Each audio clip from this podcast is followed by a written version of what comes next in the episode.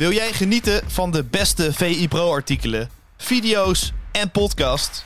En wil jij nog meer inzichten krijgen rond al het voetbalnieuws?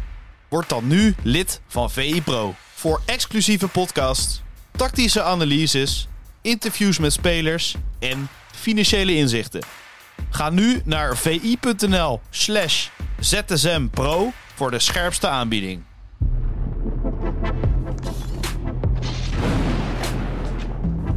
Ja, welkom bij VI ZSM. Dit is de dagelijkse podcast van Voetbal International waarin we jou elke ochtend zo snel mogelijk, vandaar de naam ZSM, bijpraten over het laatste voetbalnieuws. Ik ben Matthijs Vechter en ik zit hier vandaag met uh, Tim Tempelaars. Goedemorgen. Goedemorgen. Je ziet er lekker uh, vrolijk uit. Ja, zomer. Lekker Ja. kleurtje. Hè? Een beetje in de VI-kleur, dus eh, kom maar op. Ja, uitstekend. Uh, we gaan een aantal mooie onderwerpen bespreken. Zullen we beginnen met het meest gelezen bericht op vi.nl? Want het gaat over Sidney van Hooijdonk. Die is niet meer welkom bij Bologna. Nee, die heeft een vervelend en verrassend bericht gehad. Uh, hij heeft eigenlijk uh, uh, rond het einde van het seizoen steeds gezegd hè, dat hij niet bij Heerenveen terug zou komen. Omdat hij bij Bologna mee op trainingskamp, ze wilden met hem praten. Had natuurlijk hartstikke goed gedaan. En hij was praktisch onderweg voor dat trainingskamp. Toen kreeg hij te horen dat ze daar toch geen behoefte aan hadden. En ja, heel chic is het allemaal niet. Maar ja, het, lijkt er toch heel sterk. Die moet gewoon weg daar. Simpel zat. Die, uh, ze willen hem verkopen. Um, nou kan het natuurlijk betekenen dat Bologna een nieuwe, een nieuwe spits gaat halen. Dat ze op dat vlak ver zijn. En dat ze zoiets hebben van nou dat doen we niet. Met Van Hooydonk. Maar ja, het, best wel een verrassende ontwikkeling voor hem. Vervelend. Want um, ze hebben daar geen belofteploeg. Dus hij kan nu, omdat de rest weg is, niet in groepsverband trainen. Hij wilde juist fysieke stappen zetten op dat trainingskamp. Hij wilde zich laten zien aan de nieuwe trainer. Of de nieuwe trainer, hij zit er al een tijdje. Maar Thiago Motta. Ja, um, op dat trainingskamp. Ja, dat gaat allemaal niet door. Dus zo'n hele voorbereiding wordt uh, danig in de war geschopt. En ja, ook met het oog op een eventuele transfer is dat gewoon vervelend. En uh, ik kan me best wel voorstellen dat als je daar geen rekening mee houdt, je, je zet in op hè, eerst een paar weken optrainen, laten zien en dan kijken wat er gebeurt. Want hij heeft natuurlijk wel altijd de optie open gehouden dat Bologna niet de club was waar hij zou, uh, een heel seizoen zou gaan spelen. Um, maar ja, dit, dit lijkt me toch wel een streep door de rekening. En ja, de schoonheidsprijs verdient het allemaal niet. Nee, en voor Bologna zelf is het ook apart, hè? Want ja, als je hem wil verkopen, maar je, je zegt dat hij niet welkom is om mee te gaan op trainingskamp. Uh, ze dat zouden, is niet heel positief voor de prijs. Ze zouden ingezet hebben op een uh, transfersom van 8 miljoen. Uh, terwijl ze hem volgens mij ooit voor drie kwart miljoen gehaald hebben. Dus dat, dat is nogal wat. Ja, er gaat natuurlijk nu niemand meer 8 miljoen betalen. Nee. Uh, en ook de helft wordt al een heel ingewikkeld verhaal als je al weet dat hij weg mag. Dus die hele gang van zaken is, uh, is best wel opvallend. Het zou kunnen dat er een nieuwe spits komt. Er zijn uh, ook nog wel wat jongens die daar in de picture staan. Arnautovic is daar spits. Nou, die wordt stevast genoemd als een soort ja, twaalfde man bij grotere clubs. Orsolini uh, wordt wel eens genoemd bij Italiaanse clubs, heeft het daar goed gedaan. Uh, staat er natuurlijk uh, onder contract. Dus ik ben ook wel benieuwd hoe ze het daar gaan oplossen. het is niet zo, ze hebben die Barrow nog. Het is niet zo dat ze daar nu drie vaste topspitsen hebben. Um, dus misschien is daar wel uh, beweging gaande. Maar het, het, is vooral de vraag wat nu voor Sidney van Hooydonk. En, uh, Vorig jaar 16 goals namens Heerenveen in de Eredivisie. Ja, ja in dus de running, clubs geïnteresseerd zijn. In toch? de running voor de topscorerstitel. Uh, nou is bij Heerenveen natuurlijk al wel gezegd van ja, dit is een beetje te hoog gegrepen voor ons. Vooralsnog natuurlijk. Weet, ja, je weet niet wat er gaat gebeuren. Ze moeten daar inzetten op goedkope of transfervrije spelers. Nou ja het is geen 8 miljoen, maar hij valt niet in die categorie. Uh, en ik kan me ook voorstellen dat hij voor andere clubs uh, in Nederland uh, nog aan de dure kant is. Um, ik weet niet hoeveel ze gaan vragen, maar ja, het zal ook niet 1 miljoen zijn. Um, Als je eens hardop nadenkt voor hem, wat, welke competitie, ja, welke club? Dat, dat is nog best lastig hoor, waar je dan op uitkomt. Um, ja, weet je, er zou dan heel voorzichtig wat, wat belangstelling uit Frankrijk, uit Duitsland sluimeren. Maar misschien moet je wel aan iets in België denken bijvoorbeeld. Een club die daar uh, bovenin uh, uh, of subtop meedraait, veel in de 16 van de tegenstander komt. Want hoe je het ook wendt of keert, als hij in vorm is, hij heeft vertrouwen en zijn ritme zit goed, dan beweegt hij zich als een natuurlijke goaltjesdief op een manier die hem heel veel goals oplevert. Dus gewoon instinct, gevoel, uh, positie kiezen. Maar dat soort dingen, dat hangt wel met ritme, speeltijd, vertrouwen vast. En als dat allemaal wegvalt, en dat heeft hij ook in die afscheidsinterviews benadrukt, dan wordt dat heel ingewikkeld. En als een van die aspecten wegvalt, dan heeft hij natuurlijk ook wel, is er snel kritiek rond hem. Is hij daarom ook minder interessant voor de top 6, top 7 van de Eredivisie? Uh, hangt er vanaf. Hangt er vanaf hoe je het bekijkt. Uh, als je top 6, top 7 Eredivisie neemt, dan komen die natuurlijk wel heel veel in 16.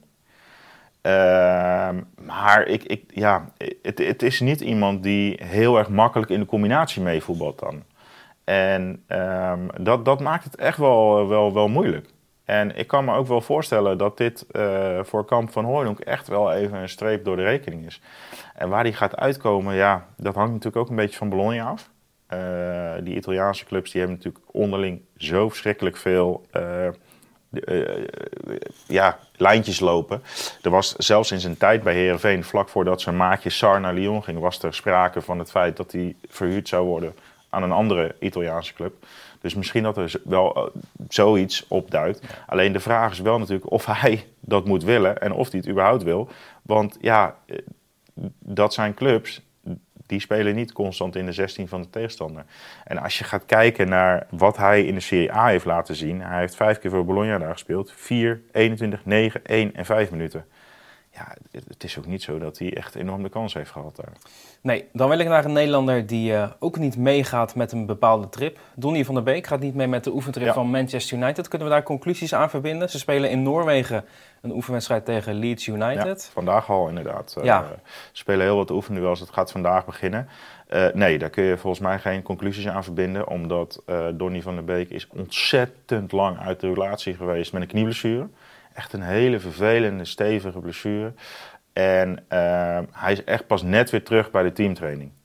En ik kan me heel goed voorstellen dat daar uh, iedere dag trainen, twee keer op een dag trainen, oefenwedstrijden, noem het allemaal maar op. Je weet hoe het op zo'n trainingskamp gaat. Uh, allerlei testen en weet ik veel wat allemaal. Dat is gewoon zwaar. Er wordt hard getraind.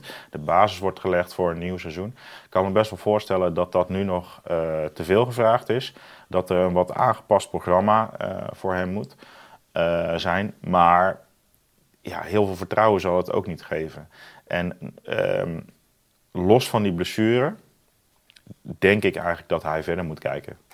Als je gewoon kijkt naar de concurrentie op het middenveld, het belang van uh, wedstrijden van United, ja, nou, wanneer gaat hij dan spelen? In de League Cup? Als ze, als, ze, als ze in Europa een wedstrijdje hebben waar niks meer op het. Nee, dat denk ik ook niet. Hij heeft tot 2025 zijn, uh, zijn contract.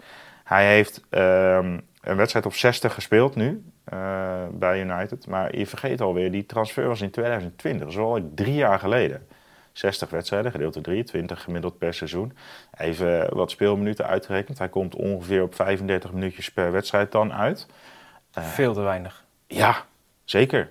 Zeker. En, en dan te bedenken dat hij ook in de belangstelling stond van Real Madrid. Die transfer was eigenlijk al min of meer rond. En toen kwam corona om de hoek kijken. Ja, eh, niet alleen corona. Dit is natuurlijk ook wel de, de, de Champions League factor. Hè. Uh, hij heeft het natuurlijk in het Champions League seizoen uh, heeft hij het gewoon echt geweldig gedaan. En hij voelde zich als een vis in het water bij Ajax. In het systeem, in zijn omgeving. Um, en hij was toen de lopende man. Hè. De man spits wegtrekken, Tadic wegtrekken, kwam hij in de 16. Um, ook voor hem geldt, eh, ga alsjeblieft kiezen om te spelen.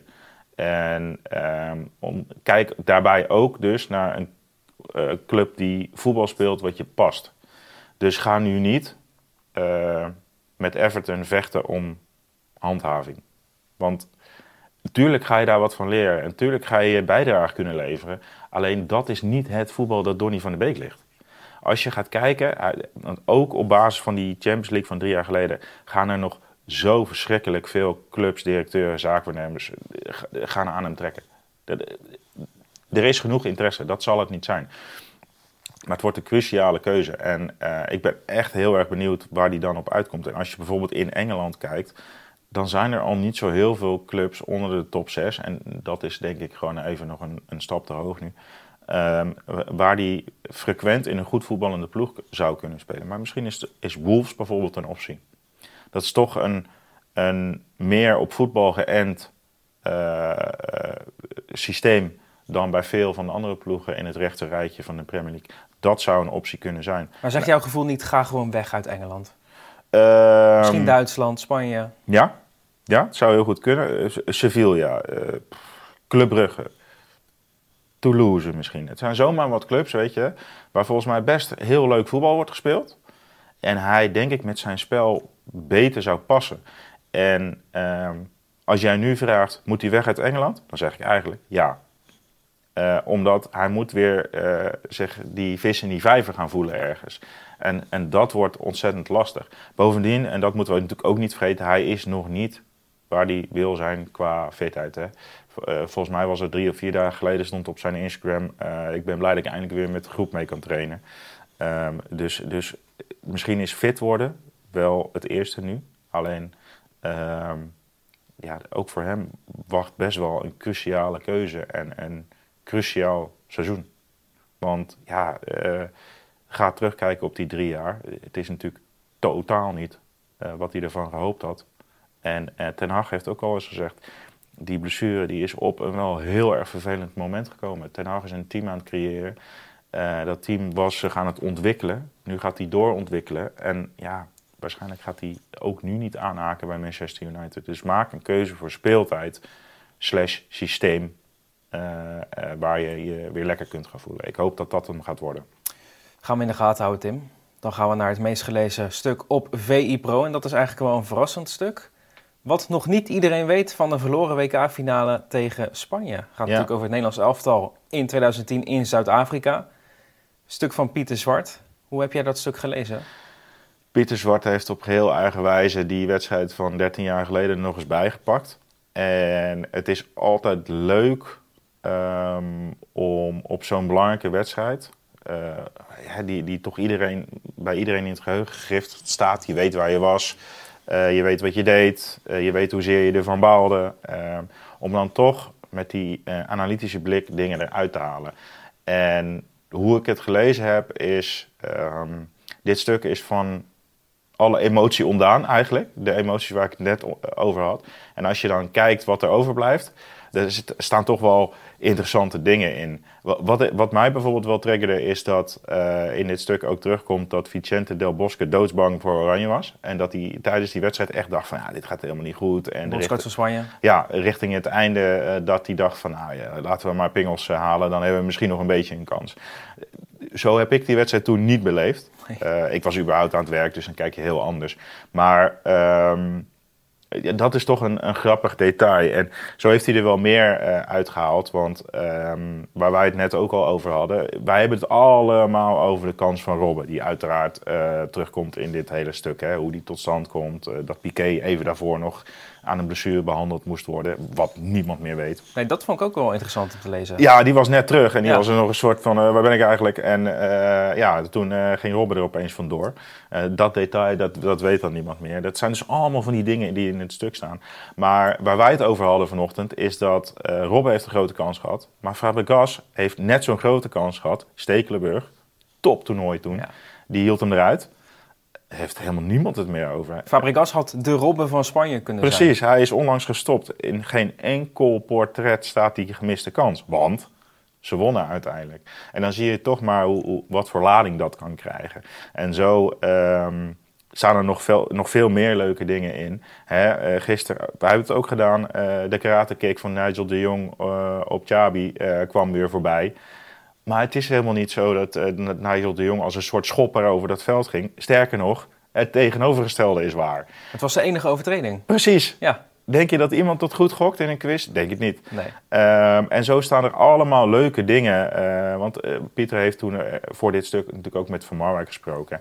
En die geeft ook inside information over... Nou ja, wij lieten Carles Pujol in de opbouw volledig vrij. Een soort de, ja, de, de Bessie van nu. Um, En ja, die wist, daar, wist zich daar ook geen raad mee. Dat, dat werkte als een trein. Dat werkte niet meer toen de twee controleurs bij Oranje van Bommel en Nigel de Jong allebei een gele kaart hadden. Dus ja, we kunnen best wel lang doorpraten over. Het is gewoon hartstikke leuk om met die bril naar zo'n stuk te kijken. Zeker voor mensen die nu al een beetje eindtoernooi eh, eh, gevoelens missen. eh, hè, Ja. Die op YouTube filmpjes zitten te kijken van oude WK's. Nou, pak dit stuk er maar bij. Want je gaat met een hele andere bril naar de WK-finale van 2010 kijken. Heb jij ooit die hele wedstrijd teruggekeken? Nee. Nee, nou ja, kijk, als je aan het werk bent, dan, ehm, dan kijk je heel anders. Voor duidelijkheid, jij was redacteur Ik- ik- op dat ik- moment. Ja, ik was toen, eh, dat, dat was Oost, eh, in die zomer ben ik begonnen eh, bij VE. Niet dat dat ter zake doet, maar dan, toen was ik nog webredacteur. En Ja. ben ik, eh, kijk je met een modus naar die wedstrijd dat je moet tikken. Dus op het moment dat die goal valt, dan sloopt iedereen zijn woonkamer, vliegen de biertjes, tv's gaan kapot. En het enige wat je dan zelf doet is, oh jee, ik moet zo meteen eh, de wereld in gaan sturen dat het al voorbij is, weet je. Want een paar minuten later moet je dat af hebben. Dus je kijkt ondaan van emotie ook. En, en eh, je, ja, je, je kijkt naar die wedstrijd van, ik moet gaan produceren. En ehm, vervolgens kijk je, eh, dan ga je tot s'nachts door. En de volgende ochtend is het weer naslepen. En dat duurt nog wel even voordat je echt weer even de tijd hebt om er echt eens rustig over na te denken.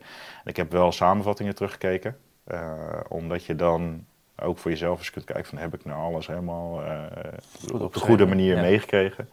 Maar ik heb hem niet meer van begin tot eind teruggekeken. En eh, ja, gelukkig heeft Pieter dat een keer of zeven gedaan en is dit stuk daar uitgekomen.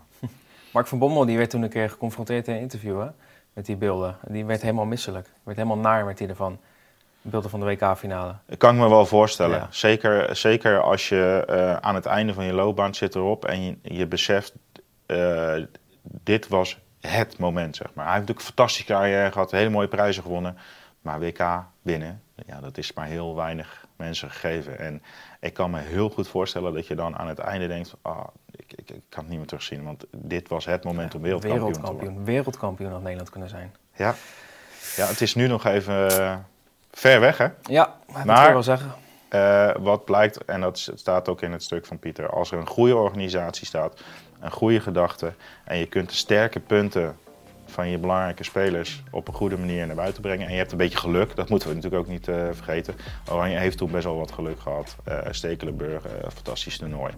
Ja, dan kan er, kan er heel veel gebeuren. En misschien is dat dan een, een, een mooie boodschap. het geeft ook wel hoop, toch? Dat stuk. Misschien is weten. daarom wel eens goed gelezen. Zo sluiten we hem af, Tim. Tot Oké. ZSM. Joep.